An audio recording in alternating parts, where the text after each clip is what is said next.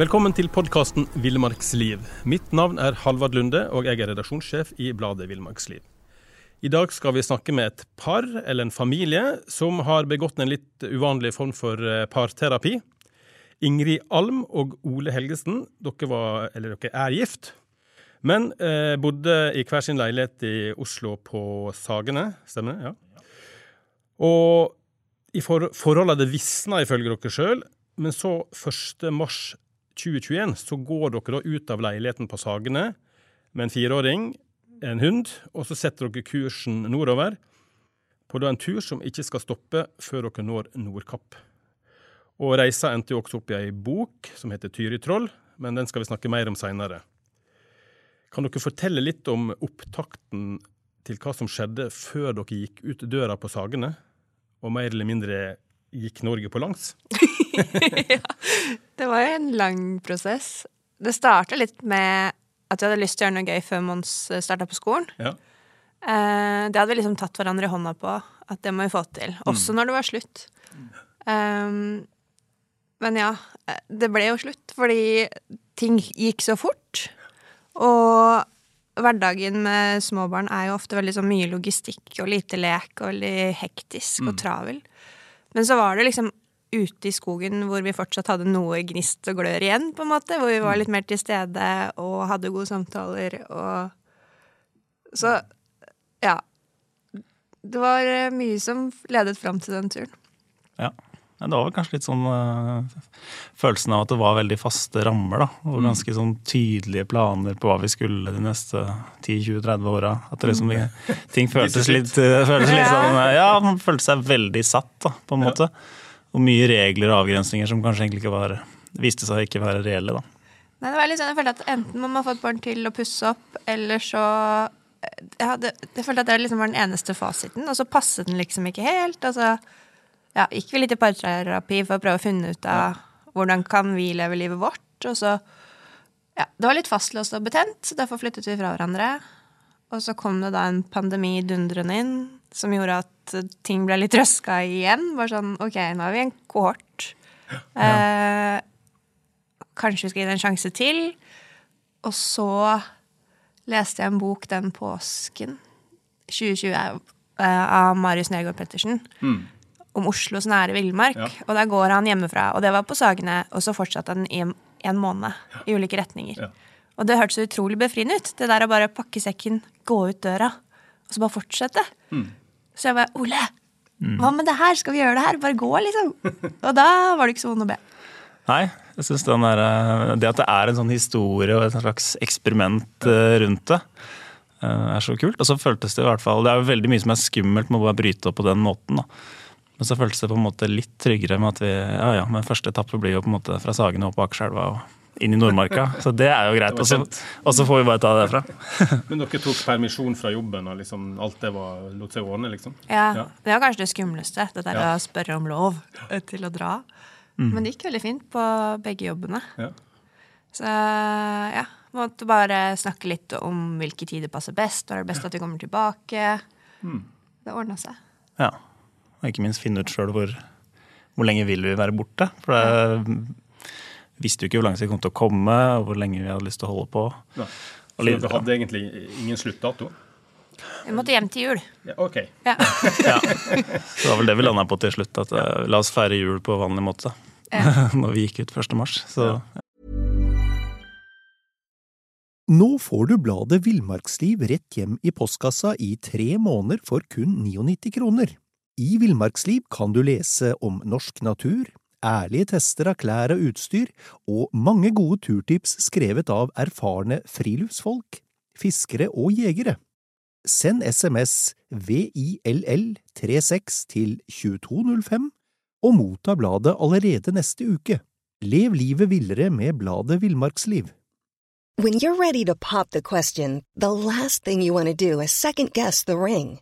At Bluenile.com, you can design a one of a kind ring with the ease and convenience of shopping online. Choose your diamond and setting. When you find the one, you'll get it delivered right to your door. Go to Bluenile.com and use promo code LISTEN to get $50 off your purchase of $500 or more. That's code LISTEN at Bluenile.com for $50 off your purchase. Bluenile.com code LISTEN. Altså at eh, det var naturlig å dra i mars, for da var det ikke så guffent vær. Og det å liksom ta med en fireåring At det er litt hyggelige forhold, da. Jeg så i hvert fall for meg sånn påskevær og Kvikk Lunsj og sånn. Men ja. Det var ikke helt sånn. nei, det var ikke det. Ikke minst at det ikke blir mørkt klokka fire, for det er ganske tidlig. sånn, det går greit det er en natt, men liksom ja. Dag ut og dag inn og alltid gå med hodelykt fra klokka fire er litt eh, slitsomt. Ja. Men Nå skal jeg stjele et spørsmål fra, fra en som du omtaler i boka, en venn av dere, som heter Tarjei. Ja. Um, altså, Dere flytta jo fra hverandre for å bo i hver deres leilighet, for så å flytte sammen i et bitte lite telt for å bo sammen i ti måneder. ja. Det høres ikke veldig lurt ut. Nei, jeg gjør ikke det. Nei, Men det gikk greit? Ja. Ja. Overraskende bra. Jeg var ikke helt sikker på at det kom til å gå bra med forholdet. Men jeg tenkte at vi er et veldig godt team ute. Mm, vi har aldri krangla Eller jo, vi krangler på tur, men vi finner liksom ut av det. Jeg syns vi er et godt team, og vi kommer oss framover. Og ja, det er der vi har det best som familie. Så jeg tenkte ikke at det var noen sånn kjemperisk. Eh, Det var liksom det å finne ut av forholdet, og så I verste fall så blir vi bare venner, da. Og i Ja, ja. verste fall må vi kanskje bryte på Dovre. Men vi, ja, Ja. fikk lyst til å gi det en sjanse. Og så var det mye av problemene oss imellom knytta til litt sånn fastlåste mønstre og rammer. da. Eh, Så sånn sett så ga det jo litt mening også å gjøre noe Det blir jo noe helt annet, i hvert fall. Selv om Vi om oppvasken på en litt annen måte. ja, ja, det er kanskje sunt. Ja. Men, eh, men eh, en ting er jo liksom det forholdet, altså sånn eh, følelsesmessig og sånn, men det, en, en tur på ti måneder krever jo sitt rent sånn logistikkmessig, og, og ikke minst når du har med en fireåring. Så hvordan løste dere den liksom planlegginga i forkant og logistikken underveis? Ja, så vi, vi planla jo egentlig litt fra matbutikk til matbutikk Ja. når det gjelder liksom det forbruksvarene. Ja. Um, og så er det jo også noe her um, med de større linjene at sesongene skifter og sånne ting. Uh, der hadde vi nok en fordel at vi starta hjemmefra. Sånn at vi fikk en del uh, hjelp av særlig begge foreldrene, både mine og Ingrid sine, Ja. som hjalp oss litt med å skifte fra, fra ski til sykkel og fra sykkel til uh, fots. Mm. Eh, Så det hjalp litt. Så vi, vi pakka jo en del sommertøy i en stor bag når vi dro i mars, som, som okay, foreldrene til Ingrid visste hvor var. Det var litt sånn, sånn vi gjorde det. Ja. Så det var liksom logistikkmannskapet som stilte opp der dere ville at de skulle stille opp? Ja, eller de hadde tima noen De skulle besøke oss i sommerferien Ja. og liksom i høstferien. Så da hadde vi noen sånne sjekkpunkter hvor vi kunne snakke litt logistikk. Mm. Og så fikk vi også veldig mye hjelp fra Instagram underveis. Altså, det var så mange lokale som hekta seg på. Det var, jeg husker vi liksom var ute på Lekka, en sånn fantastisk øy ute for ja, Trøndelag. Ja. Og så var det sånn Det er jo veldig fint oppe ved kysten her, du skal ikke ha, ta vannveien. Og så var det sånn hm, Ja, men hvordan det? Nå har vi sykler, hvordan skal vi komme oss opp, liksom? Ja. Og så sendte vi ut en melding på Instagram. Hei, er det noen som har en robot eller kano eller et eller annet vi kan låne? Ja. Og så bare sånn Ja ja, ta kontakt med Knut Overarm eh, i roklubben. Viggo Overarm. Viggo var det. Ja, ja. Han kom kjørende med to roboter til oss. Som vi fikk leie, og det var helt fantastisk. Så det der, eh, ja, planlegge litt uke for uke ut fra både vær og forhold, og høre med lokalbefolkningen. Det ordna seg. Eh, Ja, så det var veldig gøy. altså. Men en ting er jo dere, men dere hadde jo en fireåring, eh, Mons. Ja. Så nå er vel, var vel det seks år vi fant ut han var. Mm. eh, husker han noe av denne første tida, planlegginga, turen? Snakker han om det fortsatt, eller? Han snakker masse om turen. Ja. ja. Han har noen minner, Han husker nok kanskje litt andre ting enn oss. Ja. Men han, det som er kult, er at han har blitt veldig opptatt av naturen. ja så flott. Så de dyremøtene vi hadde, for eksempel, står veldig sterkt i Mm. minnet. da. har blitt helt hekta på fiske. Ja. Okay. Ja. Senest den morgenen her så refererte han tilbake til eh, For det var en hendelse opp litt sør for Bodø hvor jeg hoppa ut i vannet og fanga en taskekrabbe som jeg så på et skjær. Og så kokte vi den i kjelen på bålet. Og det, er, det tror jeg kanskje det er sånn nummer én minne for han. Jeg synes det var så gøy. Han vil gjøre det igjen. Ja. Så Ja, for jeg tenker jo Det er jo ikke når du er tilbake til mitt eget liv. Det jeg husker fra fire til seks år, er jo ikke stort. Nei. Men uh, du tar det kanskje med deg likevel. Ja, jeg tror det setter seg i kroppen på en eller annen måte. Eller sånn, ja, Glad i telt, glad i å være ute. Ja, så har dere jo dokumentert i en fin bok. Ja. I. det hjelper å se på bilder, da. Det stimulerer jo hukommelsen. Absolutt. Men altså, våren 21, når dere starta, da var vi inne i vårt pandemiår nummer to.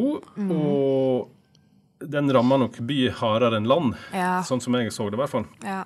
Um, en digresjon. Vi, vi holdt på å bygge hytte, noen i familien. Og da når vi kom eh, på hytta, så elektrikeren han skulle jo håndhilse på alle. Ja. Så det var liksom, der var, der var ingen pandemi, for å si det sånn. Nei. Men, eh, men var det en slags sånn, eh, kombo at det var en flukt fra énmeteren til høye og alle bekymringene til Nakstad og krav om munnbind? Ja, Det var utrolig deilig. Ja. Jeg følte meg litt som en sånn forræder da vi gikk ut av For jeg jobber jo i helsevesenet, så jeg dro jo liksom rett før det ble ekstremt ille. Ja. Eh, ja, og da komme liksom ut av Nordmarka på andre sida, hvor det var liksom frihet, og folk gikk uten munnbind og hilste og ba oss inn på kaffe. Og vi kom til Trond Trondheim, nei, Oppdal var det. Ja. Og der var jo liksom både kino og badeland oppe. Oi. Vi var helt i ekstase. Mons kan jo ikke huske han har vært på kino, for han hadde vært i sånn pandemilockdown i et år. Ja. Nei. Men var det en medvirkende årsak til at dere, liksom, dere fikk den dytten da, til å gå? Ja, jeg tror det hadde blitt noe annet hvis ikke det var for pandemien. Eller Ja. det begrenset på en litt god måte. Noen ganger kan Ja, ja. begrensninger være bra. Mm. Tror- Særlig det med å holde seg innafor Norge, da. Ja. Vi tenkte at vi gidder ikke eh, å dra utenlands, som opprinnelig var planen. Ja. Eh, Men når det, er- ja, under pandemien så holder vi oss i Norge. Ja, Og så gikk en jo ikke glipp av nok, for det var jo ingenting som skjedde på, på, på, på runden likevel. Så. Nei, min, min jobb er jo veldig mye å reise rundt til kunder og jobbe Ja. prosjektbasert. og det, Det var det, var jo bare ikke sant, via Teams, så jeg følte egentlig at det var deilig å slippe. Mm. Veldig mye, At det var vesentlig kjedeligere Ja. på jobb under pandemien enn før. da. Ja. Men dere hadde jo også noen regler for turen. Kan dere fortelle litt om det? Det var at vi skulle klare å gå nordover for egen maskin. Ja. Eh, og så kunne vi heller jukse litt øst, vest, sør hvis vi kom til noen litt sånne utsatte områder. Enten fordi det var veldig kjedelig og monotont, Mm. eller farlig med en fireåring spesielt. Ja, ja. Motorvei og han er ikke sånn Nei. kjempekombo. Um, Det var vel også noen øy, Vi endte opp på en øy på Helgelandskysten hvor vi tok ferje inn til fastlandet fordi kryssinga var så stor. da. Ja. Store, sånne type ting. Men eh, Så den klarte vi å opprettholde sånn, ja, jeg tror nesten. Vi fikk i hvert fall 2000 km til fots. ja. mm, Uh, og så hadde vi en regel om noen utenetter, tror jeg. At vi skulle ha fem av sju netter ute eller noe sånt. Men det ble helt sånn Den brøyt vi ganske fort. ja, for dere bodde litt både i DNT-hytta og hotell, og der det Ja. falt, seg. men eh, du glemte den viktigste regelen. da. Den viktigste var jo at ikke noen valg skulle gå på bekostningen av at vi skulle ha det fint. da, Ja. Og at Mons skulle ha det bra. Ja. Ja. Um, Den så det, det trumfa jo alt, på en måte. Ja. Eh, og det er egentlig litt dette med å bo inne, det å skape kontraster. da. Hver gang vi kom til et eller annet sted, du nevnte Oppdal, men um, også mange andre små, småbyer rundt omkring da, som hadde badeland eller kino, liksom, bruke tid på det også, som er noe helt annet, før vi går videre. da. Så ikke han bare, Jeg tror han har gått lei da, hvis det bare var Ja bare telt og tur hele tida. Ti timer i pulken kan jo kanskje bli litt kjedelig. Ja. Mm, trenger litt variasjon. Men Kan dere liksom ta oss med på turen og så, og så grovt fortelle litt om alle etappene dere hadde nordover? Gjerne. Uh, begynte på ski. Så, eller vi gikk eh, hjemmefra ut døra. Det var veldig gøy å få til det. Med sånn der kombivogn med hjul. Ja. Så da satt vi skia oppi der. Ja. Og så kunne vi ta på skia på pulken eller vogna Ja, og vi kom inn i Nordmarka. ja, sånn eh, sykkeltralle med ski? Ja. Så den holdt ikke så lenge, da. Men eh, Så de, de skia på den pulken knakk et sted utenfor Lygna. ja. Ok. Eh, så det ble pudder eh, og hjul. Det var ikke så veldig god kombo. Nei. Og så gikk vi da mot Totenåsen og over Dovre. Rondane, Dovre, Ja. Dovrefjell. Trollheimen. Og der begynte våren å ta oss, og der kom liksom gjennombruddsskaret Mm. og litt sånn slushy forhold, så da bytta vi til sykkel. Og så sykla vi um, For da hadde vi egentlig tenkt å sykle via Trondheim og mer i Innlandet. Um, men så ville Mons ut og fiske krabber. Uh, og så undersøkte vi litt at det var mye trafikkerte veier da, nord for Trondheim. Så vi endte om å sykle ut på Fosenhalvøya istedenfor. Um, mindre veier, litt mindre trafikk, og enda mer ut mot havet og krabbefiske. da. Så sykler vi egentlig hele Trøndelag. Altså, vi har noe um, slekt i uh, Namdalseid. Broren min hadde da fått uh, en, uh, et barn. Så um, første niese på min side av familien, så vi besøkte de der. Og så, uh, og så sykler vi opp til grensa til Nordland, da. Du nevnte jo Leka. Det var vel omtrent der vi, vi skifta til Ja, vi rodde vel i tre døgn inn til Brønnøysund. Og så gikk vi til fots over fjellet til Mosjøen gjennom Lomsdalvisten. Det var utrolig vakkert. Eh, ja. Og så hadde vi noen dager i kano, før vi da valgte å bruke oppblåsbar eh, SUP. Standup paddleboard. så Det var eh, eh, Nei, det er ikke det. Men det er noe av det letteste du kan padle med, som også du kan bære på under armen. Ja. eh, Som også kan ta ut lufta på og pakke sammen. Så det er noen fordeler, da. Selv om det ikke er så veldig eh, Det er ikke sånn superstødig store bølger. Ikke effektivt og helt ubrukelig motvind, Ja. men uh, veldig gøy for ham på fire å kunne ligge og se ned i fjæra Ja. på en måte han ikke kunne fra kano, for eksempel. Mm. Og så var det den fordelen at vi slapp å levere det tilbake. Uh, for vi fikk lånt sykler fra bua og kano fra bua, som er sånn frivillig ja. Men da måtte du jo tilbake igjen. Men Ja. så var det denne suppen kunne vi jo bare poste hjem når vi var ferdig med den, tenkte vi. Ja. Så fra Sandnessjøen, som egentlig er eh, ganske langt sør i Nordland, så hadde vi med disse suppene helt opp til um, Andenes, da, som er helt liksom, nordspissen av Nordland. Så hele Nordland fylke basically eh, ganske langt. da. Um, så padla vi, da. Langs Helgelandskysten og den skjærgården og Steigen. Det var, Det var helt vanvittig. Ja, det er et flott område. Altså. Den første etappa på nordsida av Lofoten der òg. Vi hadde noen vanvittige opplevelser der òg. Husker jo godværet best. Ja ja, klart det. Eh, Klart det. men ja, så det kom høsten da på Senja. Så da gikk vi til fots. Eh, og så gikk vi til fots over Senja, og så tok vi ferge inn til Tromsø. Og så til fots da videre og helt til Nordkapp. Ja. Lyngen. Så der gikk vi litt bort fra at det var lov å ta øst-vest, for det tror jeg vi gikk østover i halvannen måned eller noe sånt. For Tromsø kom ikke nordover. Du må utrolig langt øst før du kan gå opp. da. Så fra Tromsø til Lakseelv Lakselv så gikk vi bare østover, og det var jo hele høsten der. Før vi kunne gå i eh, rett linje da, opp, eh, opp fjorden og ut på Magerøy. og Så 14. november kom vi fram, og da var det godt å komme fram. Da var det ganske ruskete og mørkt og Ja. November kan være litt tung. ja, forblåst. Men, eh, men det, det, dere hadde jo ikke bare sol og åpenbart og medvind på turen. Og vi var innom denne sykkeltralla slash pulken Ja. eh, med knekte ski og sånt. Hvordan håndterte dere alle disse liksom, uventa episodene? Var det greit å få ordna det underveis? ja, jeg er glad vi starta nærme hjemme. Ja. Så vi har jo litt nettverk i Lillehammer og sånn, og på Gjøvik. Ja. og da ja, fikk vi liksom litt hjelp av folk vi kjente. Og så fikk vi kjøpt Prøvde å montere på noen slalåmski fra Finn. og styra ordna. Og så endte det med en fjellpulk på Lillehammer, da. ja. Så den holdt. Den holdt, ja. Ja, Mm. Selv de alpinskia som ble skrudd på, knakk faktisk ganske fort. Okay. Ja, det var for mye bagasje i den eh, tralla.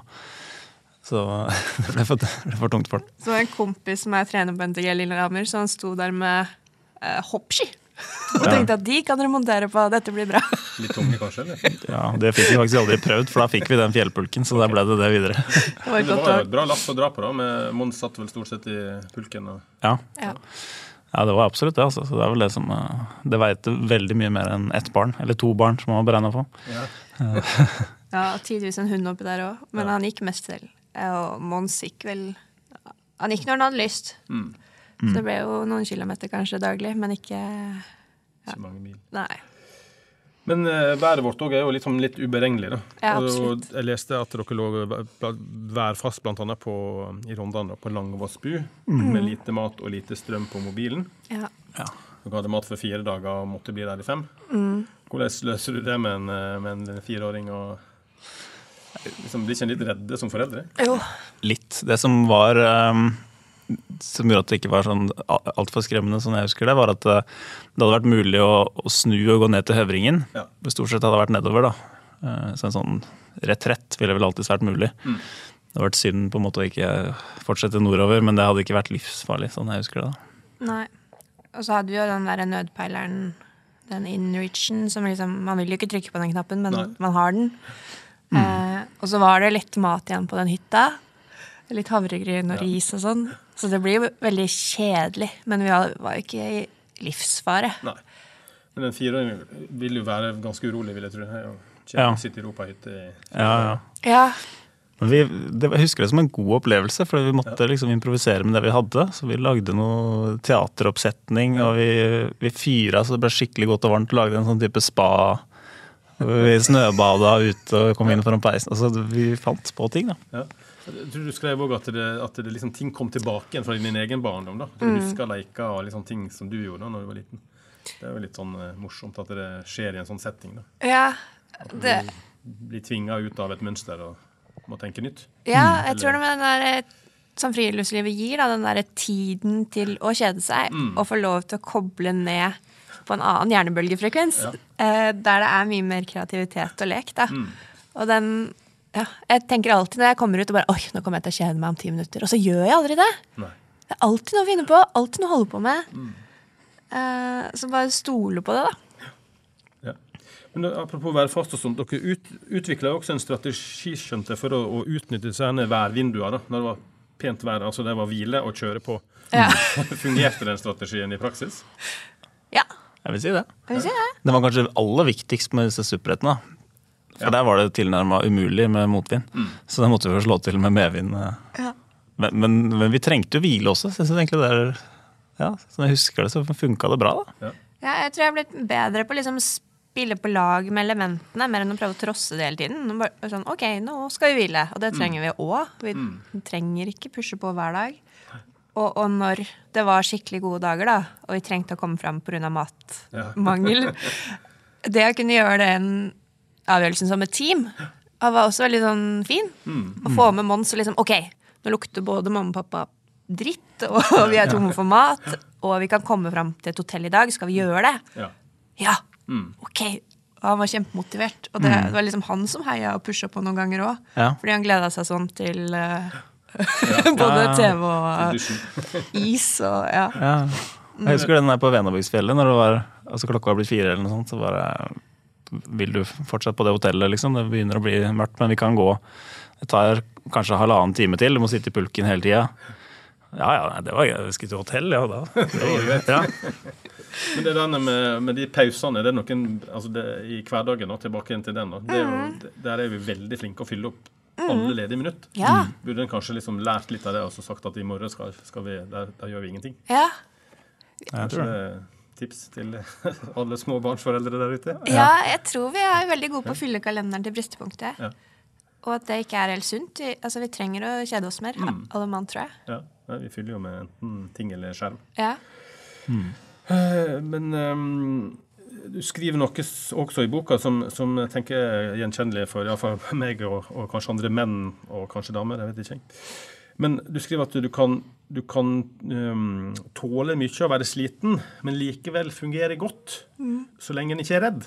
Det tenker jeg mange som kjenner seg igjen på tur. At det liksom det når, eh, når noen blir redde på tur, og en er sliten og sånn i tillegg, da, da rakner det. Mm. Så er det liksom eh, det der med tryggheten, var dere ekstra oppmerksom på det når dere forsto at det hadde et, eh, var et poeng, liksom? Ja, vi, jeg i hvert fall funker ganske dårlig som forelder når jeg er redd. Eh, jeg ja, tåler å være sliten, men hvis det da blir noe litt sånn skummelt på toppen, så funker jeg ikke så bra. Nei. Så etter hvert ble vi ganske gode på det, liksom det å lese hverandre. Jeg husker i hvert fall en god episode på Dovre hvor Ole bare Hei, jeg tror det er miner her, ass. Vi kan ikke gå her. Så jeg bare «Øh, OK, nå, nå må vi slappe av. Nå må vi sette oss ned litt. Det her funker ikke. Ja, det skytefeltet har de vel Ja. forhåpentligvis, da. Det er, rart å, det er rart å tenke tilbake på det nå, bare irrasjonelt det høres ut som nå, men akkurat der og da så var det litt sånn det var litt langt nede i kjelleren. Men eh, snarvei var et ord også dukka opp flere steder i denne boka. Da. Og jeg forst, forsto det slik at du, Ole, du gjerne ville ta snarveier, mens du eh, etter hvert ble litt mer skeptisk da, til disse snarveiene. For det var ikke alltid det var snarvei. Nei, det er ikke det. Nei. Nei, jeg har sånn urokkelig tro på at det er lurt, da. Helt til vi står der i eh, kratt eller ja. Var det mange sånne episoder, eller? Jeg vet ikke hvor mange det, det var. Jeg husker en på Senja, i hvert fall. Mm. Da var det mye kratt. Da var det mye kratt. Og så var det en på. Dovre. Da var det sånn Ja, jeg tror det bare er et lite sånn bekkjuv. Ja. Det tror jeg går fint. Ja. Og så var det ikke det. Det var stupbratt. Ja, skulle krysse en elv ja, for å holde høyden bortover. Så var det bare Da måtte dere snu. Ja. Ja. Det er ofte lurt, det. Det er det. Um, ja, dere var jo ute som sagt i ti måneder, og sånt, og i Norge eh, så får en jo sett det på godt og vondt. Hadde dere noen sånn, litt sånne sånn store naturopplevelser dere tok med dere? ja. Mange. Veldig mye av det. Hvilke vil du ta fram? Nei, det er, Vi kan tenke litt sånn kronologisk. da. Jeg tror det første eh, som virkelig slo meg, var når vi, vi så de første høye fjellene, 2000-metertoppene, Ja. i eh, Rondane. For det er liksom sånn litt fjernt hjemmefra. Jeg har alltid vært fan av det. Samla på det siden jeg var åtte år. 2000-metertopper. Så når jeg så de første 2000-meterne i Rondane, så var det veldig sterkt. Um, Gått langt så- hjemmefra. Mm. Ja. Man kan se de. Og det andre store på ski var vel um, på Dovrefjell. Eh, siste dagen på Dovrefjell, var det vel. Når vi gikk på en kjempestor villreinsflokk. Med nyfødte kalver, og det var en helt sinnssyk opplevelse. Prøve å ikke forstyrre, prøve å stå musestille og bare se den der massive flodbølgen som liksom aldri ga seg. Det, var, ah, nei, det var vakkert. Hva er det du vil trekke fram? Jeg nevnte så vidt i stad både Lekka og Steigen. Eh, men noen av de dagene på Steigen med godvær, når liksom, du ble sånn høyderedd fra suppen, for det var så klart vann, så du så så langt ned. Og det å liksom se dyr jeg ikke visste vi hadde, sånn Solstjerne er sånn der sjøstjerne med ti armer, som er kjempesvær. Og liksom Fargene er jo Det slår jo Karibien Jeg trodde jeg måtte utenlands jeg, for å se sånne ting. Og så er det der oppe. Ja, det er vanvittig område. Altså. Og det er for å få helt sånne kritthvite skjellstrender for seg selv. Og midnattssol og Lofotveggen i det fjerne. Altså, ja. Nei, det er mye vakkert. Ja. Og så vi, vi hadde han, eh, Dere kjenner kanskje til han Bengt Are Barstad, han 2000, Ja! 2000 dager ute. og Vi snakket om en ting at, eh, at når du er ute så lenge, Ja. så får du med deg disse små skifter som kanskje bare er et lite minutt. Ja. Ikke sant? Mens vi som sitter inne i godstolen, da, vi, vi går glipp av alle disse der Oi, den solnedgangen, eller ja, noe nordlys, eller ja. Det som var litt sånn absurd, da, det kjenner sikkert han seg igjen i, i hvert fall, men vi, eh, vi kom noen plasser hvor vi snakka med folk, særlig på sommeren, da, ja. som hadde vært på ferie utafor Bodø. Eh, Og så sa de at nå har det vært drittvær altså, i to uker, eh, hver dag. Og vi bare Men hæ? Det, vi har jo gått hit. Jeg kan ikke huske det har vært helt greit eh, de fleste dager. på en måte. Ja, for du får alt, da. Ja. Stort sett så er det noen gløtt her og der som er skikkelig fine, og som gir deg de pausene du sårt trenger. ja, ikke sant? Og så er de så vakre når du har stått i regn en stund, og så får du en time. Ah, ja. Ja. Det var den derre stormen eh, på sommeren der hvor masse bobiler blåste over ende ut i Lofoten. Og alle dro hjem. Ja. Ja. Altså Dagen før uh, uværet kom, så lå vi på Keiservarden, og det er liksom nærmeste by, bytoppen til Bodø. Det var knallrosa solnedgang, det var fantastisk flott. Eh, og så rusla vi ned og la oss i skogen, da, for da kom det jo stormen der. Men det var liksom Ja, dere, la litt, dere fulgte med på yra og fly- forflytta dere i forhold til Ja. vind, kanskje spesielt? Måtte trekke og- ned ja, i skogholtet. Mm. Men selv den stormen som på en måte ble så mye omtalt, så var det en dag med drittvær, og så var det jo ganske brukbart dagen etter der igjen, og da gikk vi videre til Kjerringøy. Så det var ikke noe det var, ikke- ja. Ja. Føltes ikke så gærent når man var ute, Synes jeg. Folk må slutte å se på Yr og heller gå ut. Ja, det er det. Ja, jeg tror det. Jeg tror det, altså. Det Så finner du ut at det er ofte er bedre enn eh, det ser ut som på værmeldinga. ja. En, enda verre å lese Dagbladet. Ja. men eh, nå, Du har jo nevnt noen områder, sånn, men var det noen sånn geografiske plasser i Norge du bare tenkte eh, liksom Wow, har vi, er det Norge, liksom? Har mange. Ja, Engeløya er jo helt nydelig, og så er det Andøya og Bleik. Eh, Det er med storhavet ut, og havørna og, og måtind, som er liksom ja. I tillegg til at det er ekstremt mange hyggelige folk overalt. Eh, Lyngen. Ja, Lyngen var også helt fantastisk. Lyngen i høstfarger, med hvitt melis på toppene. Og, og nordlyset bak. Vi har ikke sett nordlyset så mye, men når man har vært lenge nok ute, så ser man det jo. Ja. Litt av det her skjer, Ja, dessverre. ja. Ja. ja, det var helt eh, fantastisk. Liksom, sånne tepper av lyng som man bare kunne sette opp teltet hvor som helst. Og tørre bjørker, så det er et lite bål, og kulisser som var helt vanvittige. Så noen av de nettene i Lyngen var helt utrolig. Og Finnmarksvidda den slo meg litt over endene. For den er så åpen og vid og mektig. Og Porsangerfjorden i sånn evig solnedgang, soloppgang-aktig, som spiller på fargene i fjæra der. Alt er litt sånn lilla og rosa, og steinen er lilla, himmelen er lilla, og Nei, vi bor virkelig i et eventyrland. Ja, det er sikkert. Men Du nevnte folk og sånt. Var det, var dere liksom, fikk dere mye hjelp underveis, og folk stussa på at dere kom med sånt eh, fantefølge med en, en, en unge på slep, liksom? Det, Ja. Ja. Du har de som snikfilmer og snikbilder, oh, ja. og de ja. som, som tror vi ikke følger med. Eh, men mest av de er jo de veldig varme, hyggelige folka som har hjulpet oss som vi ikke hadde klart oss uten. Vi, vi fikk låne en bil som, av noen vi ikke kjente, for de hadde tatt en øl, hadde akkurat vært i sånn jaktlag, og så skulle vi rekke en butikk oppe i Finnmark og måtte proviantere. Da var det sånn Ja, ja, nøkkelen står i. ok. Tenkte liksom at du får tak i taxi de fleste steder hvis du har god tid. ja. Ikke. Men uh, ikke, ikke overalt i Finnmark. Det var litt vanskelig. Det var han ene som kjørte taxi, og han, uh, han var ikke tilgjengelig. Han hadde fri. Ja, det var fri. Og vi fikk tilbud om tre hytteovernattinger på én dag, tror jeg, av folk vi passerte. Jeg har laks i fryseren! Kan bare bo her! Ja.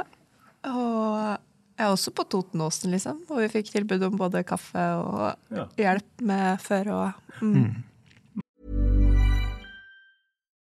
Nå får du bladet Villmarksliv rett hjem i postkassa i tre måneder for kun 99 kroner. I Villmarksliv kan du lese om norsk natur, ærlige tester av klær og utstyr, og mange gode turtips skrevet av erfarne friluftsfolk, fiskere og jegere. Send SMS VILL36 til 2205 og motta bladet allerede neste uke. Lev livet villere med bladet Villmarksliv. Many of us have those stubborn pounds that seem impossible to lose, no matter how good we eat or how hard we work out. My solution is PlushCare.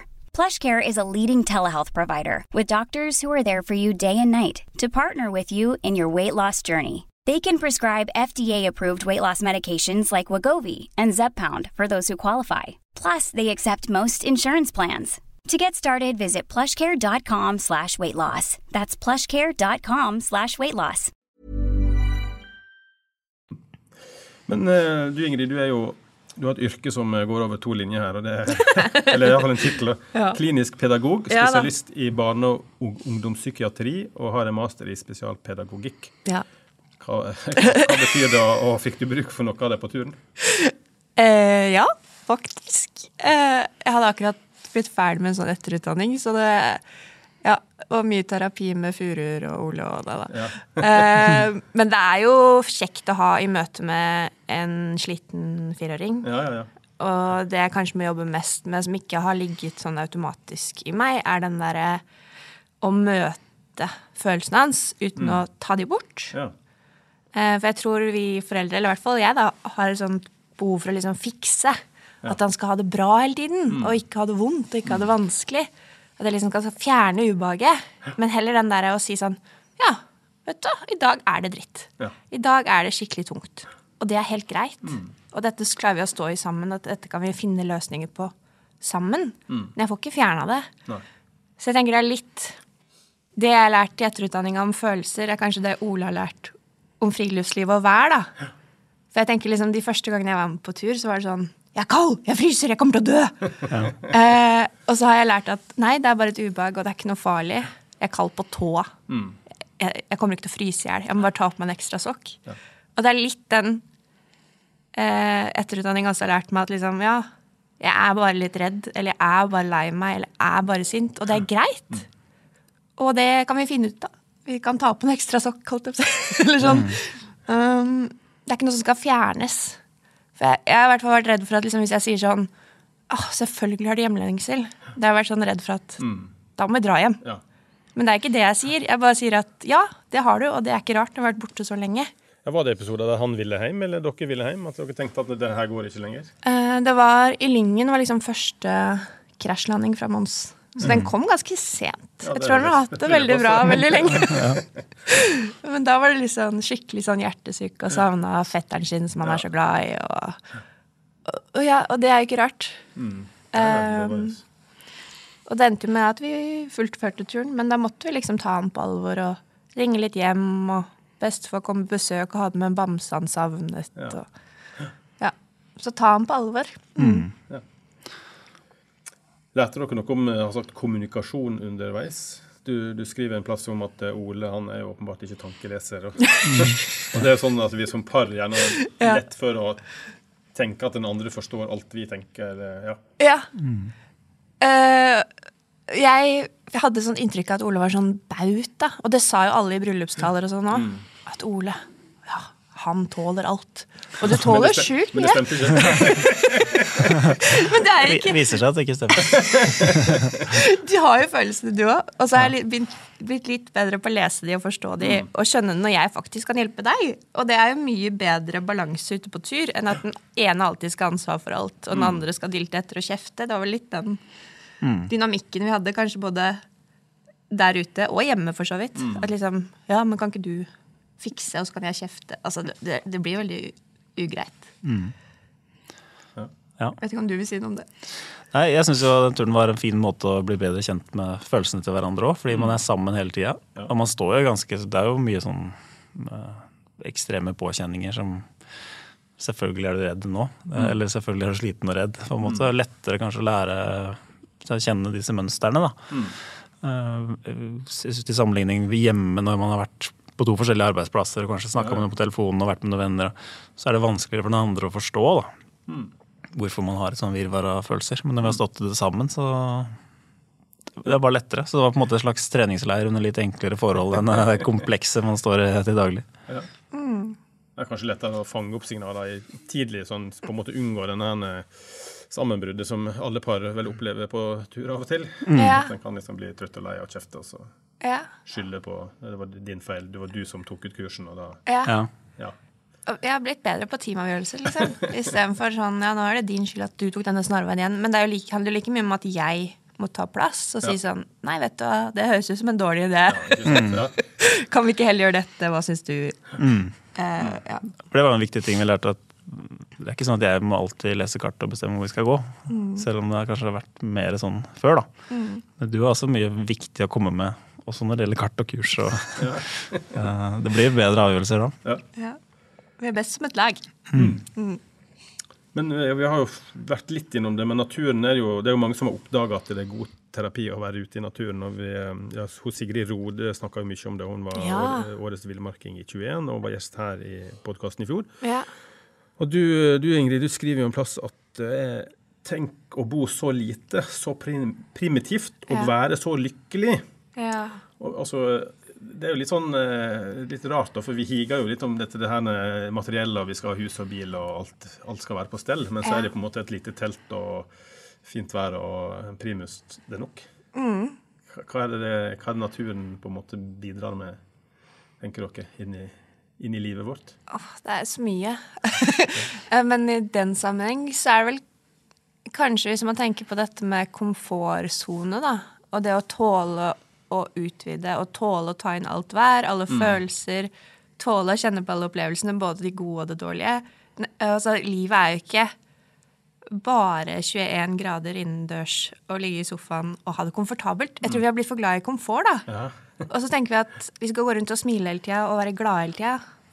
Og så lærer vi der ute at det er greit å både banne, og vi trenger sinne for å komme oss opp den toppen. Og vi trenger å være redde så vi ikke faller ut stupet til Ole. Og, altså, dette er bra signaler da, vi må ta på alvor.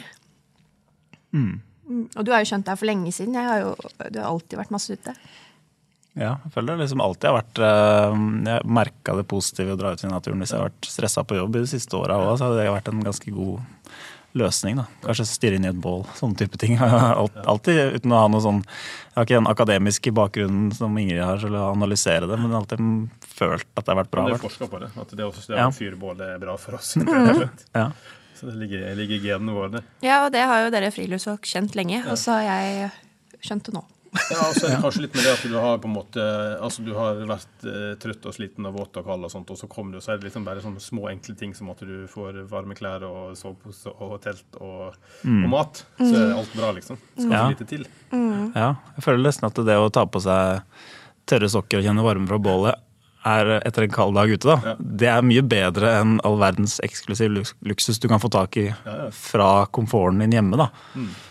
Ja. Et eller annet med Det det. er en egen slags lyk lykkefølelse, kanskje. Ja. Absolutt. Skal vi se, Vi starta jo litt med parterapi, og at turen kanskje var en flukt fra både pandemi og tidsklemme. Og, um, og alt det der. Men eh, har dere råd til andre, da? Kanskje par, da, som, eller single for den saks skyld, som, som, eh, som jakter på liksom noe mer? ikke sant? Du er kommet inn i denne litt A4-modulen og, og, og ja, kanskje har lyst på et litt sånn hverdagseventyr. da. Har dere noen liksom, konkrete tips? Hvordan kan en bryte mønsteret og på en måte komme seg ut? Jeg tror for min, Det første jeg kommer på, er det derre du må ta ansvar for din egen tid. Det er ingen andre som kommer til å gjøre det.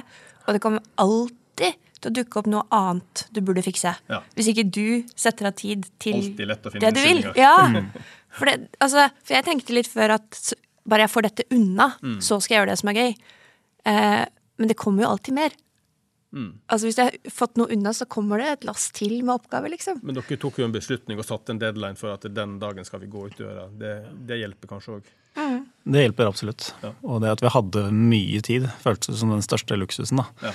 At nå, nå har vi rigga oss sånn at vi trenger ikke å dra på jobb, eller vi har ingen forpliktelser før uh, om ti måneder, liksom. Det er uh, utrolig viktig. Men du kan nok sikkert overføre det til mer sånn eh, kortere ting òg. Du nevnte hverdagseventyr. altså Det å sette av en helg. da. Altså, uansett, Kanskje ikke vet hvor vi skal den helga, men vi skal i hvert fall ikke noe annet. Vi skal ikke si ja til noe kaffebesøk. Hvis noen har en bursdag den helga, så var det synd, for den har vi holdt av. Eller du må kanskje være litt sånn eh, hard på det, da. Ja.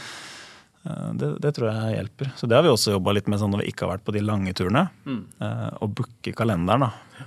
Jeg kanskje ikke vet om vi skal på en hyttetur eller om vi skal ligge i telt den helga, men vi skal i hvert fall holde av disse helgene. For ellers er det utrolig lett at det bare blir fylt opp av masse småting. Mm. Kanskje du bare skal en liten kaffeavtale klokka fire på lørdag, da, men da er basically den helga ødelagt i forhold til å dra på sånn lengre på telttur. da.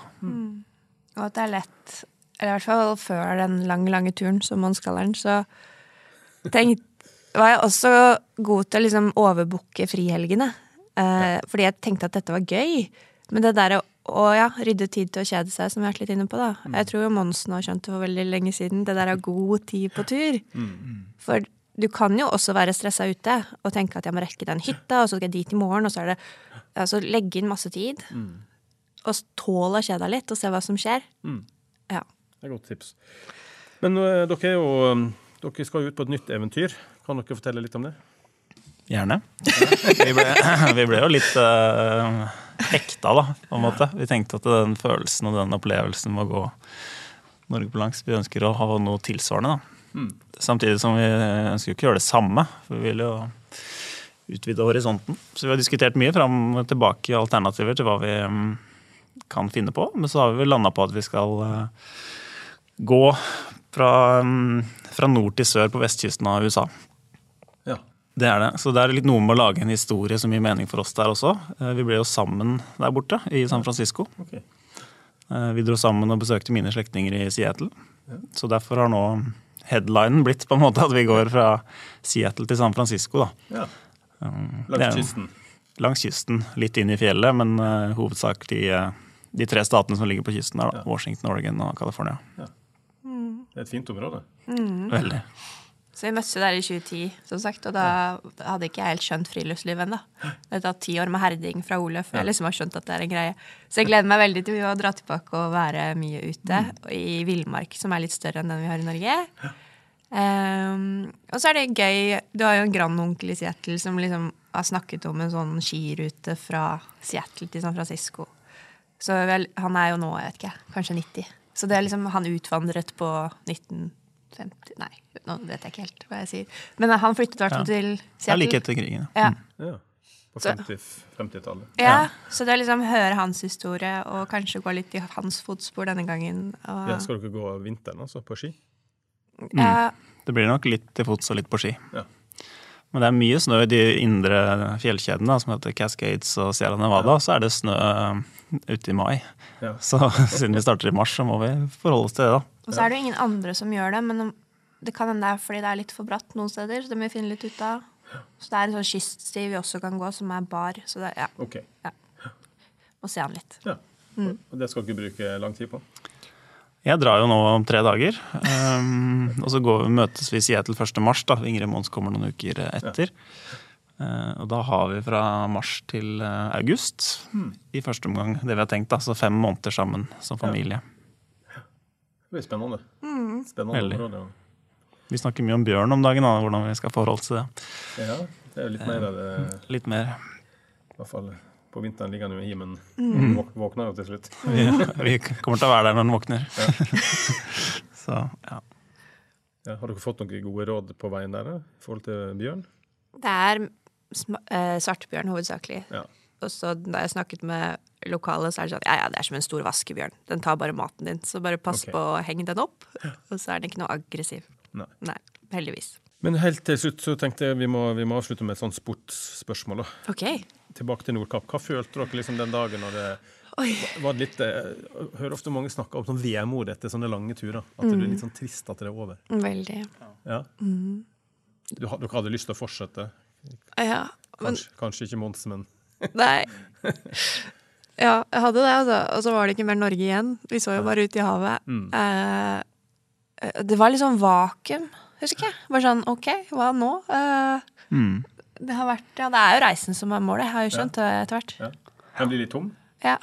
Litt tom. Jeg tror For min del, det ble ikke sånn med en gang. Jeg ble sånn veldig glad for uh Glad for å ha kommet fram. Og så var det liksom noe med å dra hjem. Jeg var litt innstilt på det. Jeg tror Litt pga. sesongen òg. Det begynte å bli så korte dager. og Ja. Så guffent. Hadde vi kommet fram midt på sommeren, så tror jeg det hadde vært mye mer lyst til å fortsette. da. Men jeg følte det ble tom kanskje en uke eller to etterpå. Begynte å gå ut på veggen. Da var vi jo hjemme i desember, så hadde vi ikke begynt å jobbe ennå. Så det var det sånn Sto liksom og spant litt på parketten der og skulle gjøre noe. Det tok vel én dag, så var vi ute i teltet igjen fra vi kom hjem. Ja. Ja. Altså, og så var, ja, Nordmarka er fin, men det var liksom ikke helt det samme. Nei. Nei.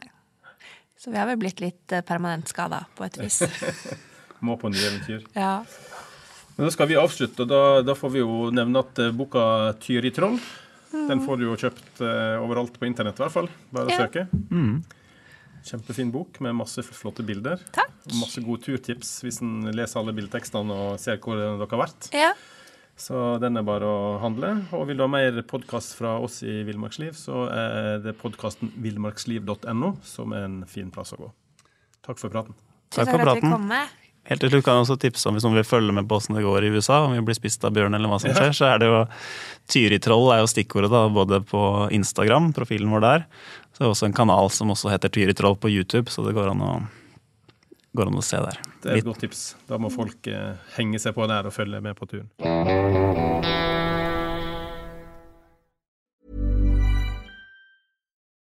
Nå får du bladet Villmarksliv rett hjem i postkassa i tre måneder for kun 99 kroner.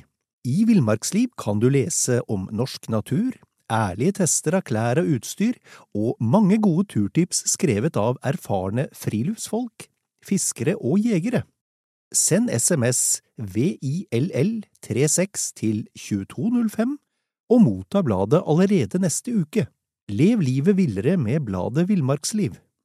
Even on a budget, quality is non-negotiable. That's why Quince is the place to score high-end essentials at 50 to 80% less than similar brands. Get your hands on buttery soft cashmere sweaters from just 60 bucks, Italian leather jackets, and so much more. And the best part about Quince, they exclusively partner with factories committed to safe, ethical, and responsible manufacturing. Elevate your style without the elevated price tag with Quince. Go to quince.com slash upgrade for free shipping and 365-day returns. Even when we're on a budget, we still deserve nice things. Quince is a place to scoop up stunning high-end goods for 50 to 80% less than similar brands. They have buttery soft cashmere sweaters starting at $50, luxurious Italian leather bags, and so much more.